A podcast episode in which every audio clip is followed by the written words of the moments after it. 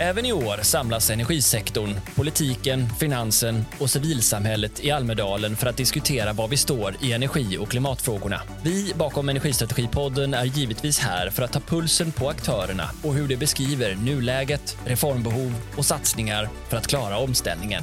Kul att ha dig med! Mattias Goldman, eh, Thailandsboende och grundare av 2030-sekretariatet. Vad roligt att få springa på dig här i Almedalen. Underbart att ses och underbart att vara hemma igen. Ja, vi sågs ju, eller hördes ju i helt andra typer av kontexter förra gången. Då var det jul och du hade nyss flyttat till Thailand. Och en av de saker jag minns att du tog upp då, det var konsekvenserna av den europeiska klimat och energipolitiken och hur dess överspillseffekter påverkar länder också som Thailand genom CBAM och annat. Eh, nu när du blickar på Europa från eh, andra sidan världen så att säga, eh, behålls ledarskapet och vilken roll har Europas energipolitik för den delen av världen som du bor i? Får det några konsekvenser? Det är jättespännande att eh, bo i Thailand som någon slags reality check, både vad gäller liksom hur jag och vi alla för klimatsamtalet. Att där funkar det verkligen inte att prata om att vi måste uppoffra oss för klimatet, utan man måste kombinera det med en ökad ekonomisk välfärd och en snabb omställning. Sen är det också spännande att se hur de här gamla tigerekonomierna som vi kallar dem förut, hur de nu snabbt ställer om och Thailands 2035-mål är som Sveriges 2030-mål på transportsektorn, men egentligen ännu tuffare. Vi ser en snabb utbyggnad av förnybar el och förnybar energi i hela Sydostasien. Och vi ser precis som du var inne på att man eh, intresserar sig för Europa inte riktigt som eh, eh ja, men primärt som eh, liksom riktningsvisare. Som kanske är först ut i en omställning som, eh, som vi alla vill och som kan vara en intressant marknad där man inte vill uteslutas från den eller få högre avgifter på grund av att man har en svag klimatpolitik hemma, precis som CBAM Tänks funkar ju. Men du, jag vet att du också fått möjlighet att engagera dig i andra Eh, asiatiska länders omställningsprogram. Vill du berätta, vad har du blivit engagerad i? Vi på 2030-sekretariatet har i år Sydkorea som fokusland. De är häftiga på flera sätt. Dels därför att de, när vi i Sverige och Europa diskuterar ska det vara el eller vätgas så är de världsledande i vätgasomställningen och inser att den här vätgasen måste vara grön. Det är den inte i Korea nu, så i närtid måste de importera grön vätgas från omvärlden. De är duktiga på att eh, få till till en elektromobilitet inom områden där det går desto trögare här i Europa, transportfordonen till exempel. Och sen så var jag på ön Cheju som, som ligger där, som är som Gotland ungefär, där vi befinner oss just nu och som ska vara en föregångsdel, eh, föregångsprovins inom hela Koreas omställning på det sättet som Energimyndigheten fick uppdraget att göra Gotland, men som ju aldrig riktigt hände. Och ser vi att den här ön i Sydkorea, de får speciell lagstiftning och speciella mandat så att de verkligen kan vara föregångsdel stället man kan vända sig till för att lära sig hur ska omställningen se ut till elektromobilitet, till mycket variabel förnybar energi till exempel. Sen så eh, är jag glad att ha fått varit med på ett hörn av ett hörn när Malaysia nu ska ställa om snabbt till elektromobilitet. De har en fordonsindustri som har varit bakut för att den har varit väldigt skyddad. Och sen så är det också spännande att ha grannländer som Vietnam till exempel som jobbar mycket med flytande sol och utnyttjar de befintliga dammar som redan finns. Utnyttjar kablarna som redan går dit och så lägga mycket flytande solkraft på som ju då får ganska låga kostnader, stor eh, nytta och dessutom så svalkas de lite av de här av dammarnas vatten. Så att jättemycket häftigt i, i min region för bara att ta ett litet axplock av allt häftigt jag får med om. Det som har varit så aktuellt senaste året här i Sverige men som även återkommer i Almedalen är relationen mellan politiken, näringslivet och civilsamhället. Och att alla tre delarna behöver på något sätt gå i takt. Eh, hur ser det ut med den typen av eh, rörelseriktning och samarbete i den delen av världen?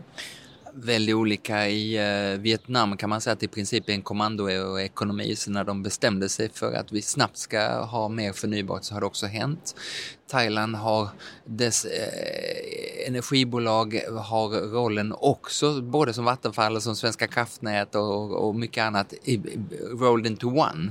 Vilket gör att det är liksom ganska mycket på deras villkor. Så det, det är inte samma enighet eh, som vi ser inom ett EU. Det är mycket, mycket svagare i deras regionala samverkan. Men det vi absolut ser är att eh, klimateffekterna är tydliga för alla och en var. Vi har eh, ständigt nya värmerekord, vi har eh, skördar som slår fel, vi har plötsligt kraftfulla regn som gör att översvämningarna blir akuta. Och det gör att det börjar finnas ett folkligt tryck, kanske inte att lösa den globala klimatfrågan, men eh, slutkontentan blir ändå densamma. Att man måste anpassa till ett förändrat klimat och man behöver en mer dräglig stadsmiljö i megastäder som Bangkok och då får man klimatnyttan av en snabb elektrifiering i alla fall, även om det inte alltid är drivet av klimatfrågan. Så de reella klimathoten förstår jag är en drivkraft som skapar tydlighet för befolkningen. Eh, den här kopplingen mellan konkurrenskraft, bibehållen välfärd och omställning, är den levande i den diskussionen också?